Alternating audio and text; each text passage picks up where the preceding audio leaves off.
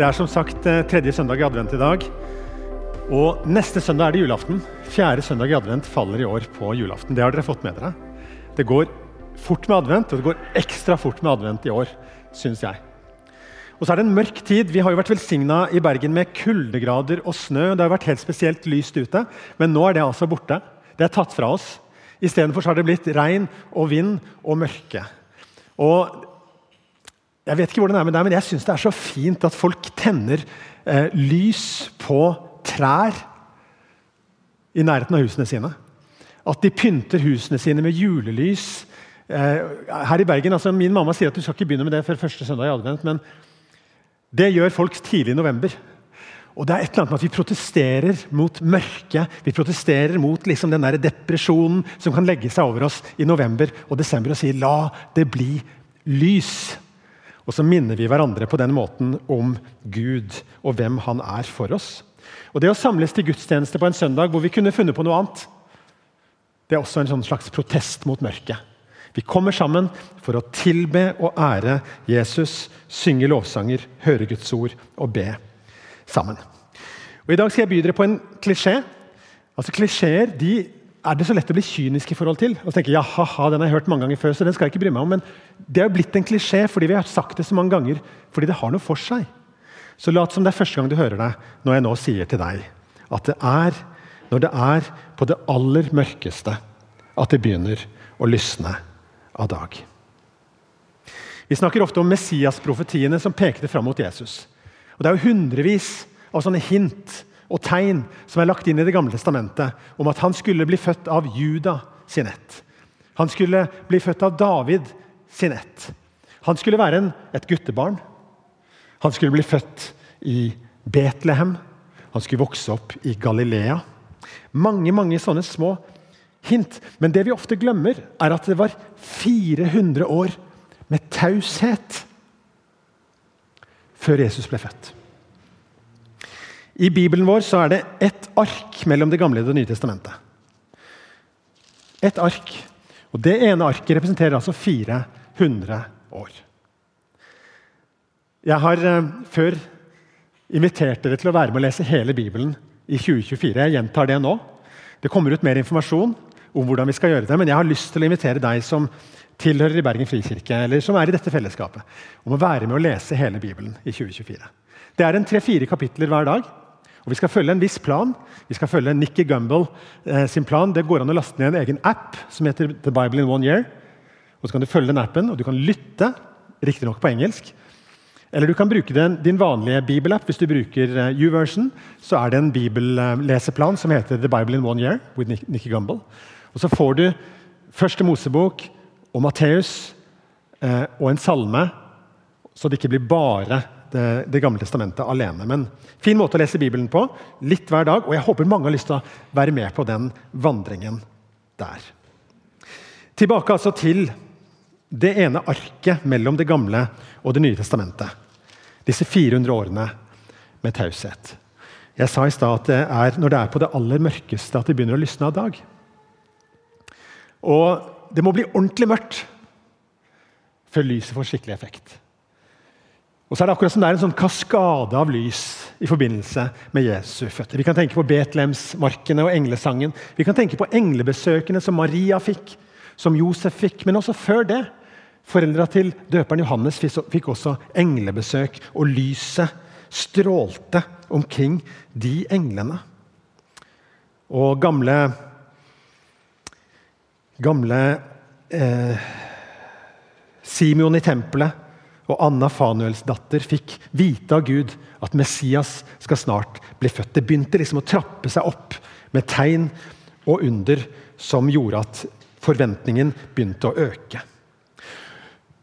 Og ikke bare i Israel, ikke bare i Guds land og blant Guds folk, så begynte det å røre seg en forventning også i Østerland. Der var det noen vismenn som slett ikke var kristne eller tilhørte Israels gud. Men de hadde tyna, tyda tegnene på himmelen, de hadde tyda stjernene og funnet ut at jødenes konge er nå født. Dette viser oss at eh, evangeliet om Jesus det, det er universelt. Det er for alle. Det er for folkeslagene også. Så de som i utgangspunktet var langt borte fra Israels gud, de skulle få lov til å være med på feiringen av Jesu komme. Og hvis gjeterne på Betlehemsmarken står som representant for de lave, de papirløse, de fattige, så står vismennene som symbol på aristokratene. Overklassen. De som hadde råd til å sette seg på et fly og reise til et annet land. Eller var det karavaner med kameler, kanskje? Det står ikke at de var konger, men tradisjonen vil ha det til at det var hellige tre konger. Vi har ikke noe belegg for det i Det nye testamentet at de var konger, men det var i hvert fall ikke noe problem for dem å få audiens hos Herodes på slottet. Så det sier noe om deres status og deres rang. Josef og Maria kunne sett langt etter et sånt mulighet til å komme dit.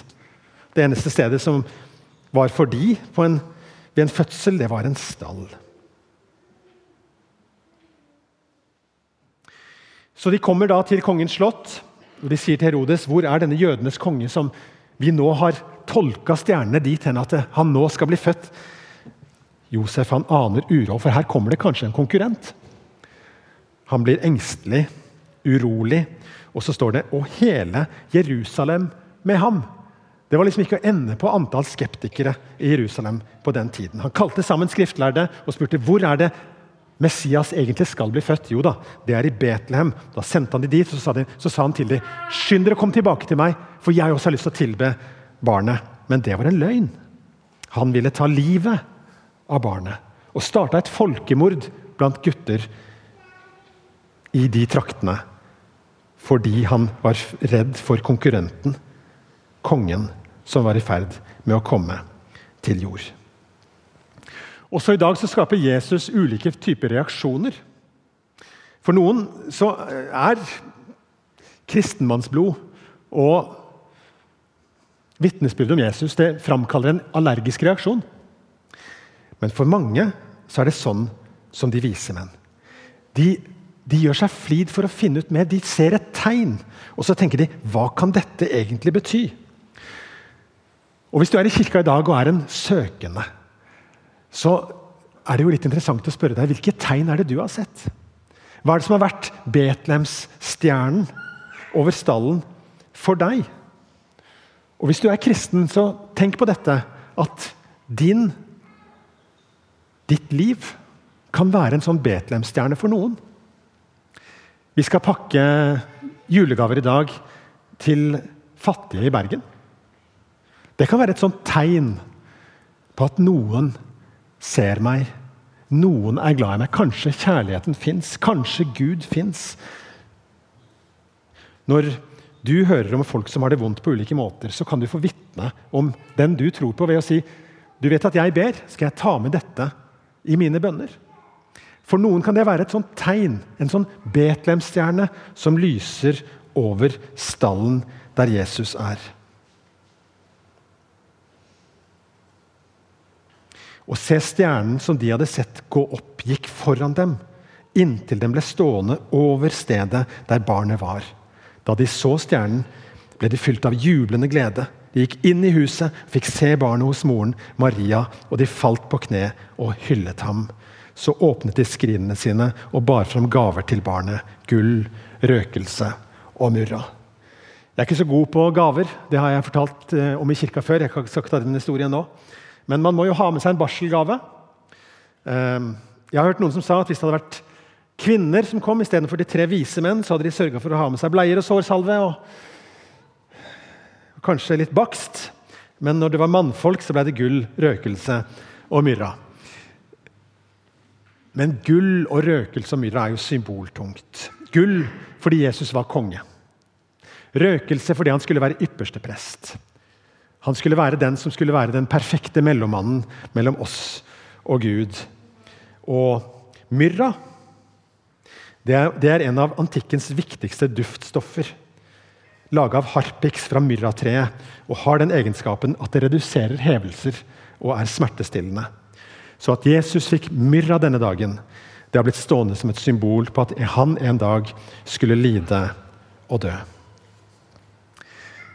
Vi hørte Messias-profetien lest i dag om at det folk som vandrer i mørket, skal se et stort lys. Jesus sier om seg selv 'Jeg er verdens lys'. Den som følger meg, skal ikke vandre i mørket, men ha livets lys. Og så kan mørket sige på rundt oss, og mørket kan sige på innenfra i oss. Og så kan det være forskjellige ting som du møter hverdagen med, som ikke jeg aner noe om. Men Jesus er verdens lys også for deg. Jeg skal være litt personlig i dag og fortelle om et øyeblikk som ikke var mitt stolteste. Dere tåler det? Altså, Jeg har gjort det før, fortalt litt. og det er jo Noen som tenker at pastorer og kristne ledere de er på egen, sånn, et eget nivå. Det er derfor vi har sånn høy scene her. Men jeg har lyst til å, å bidra til at jeg blir eh, kjent som et helt vanlig menneske. Sånn som deg. Ha-ha. Dette er ti år siden. Barna begynte å bli store, og vi skulle få vår første tenåring. Og så sa jeg det litt sånn på spøk at jeg vet hvordan man disippelgjør barn, men jeg aner ikke hvordan man disippelgjør tenåringer. Så vi bestemte oss for å dra til Hawaii. På disippeltreningsskole. Fantastisk mulighet for oss til å komme inn i et miljø med andre kristne, få lov til å være sammen.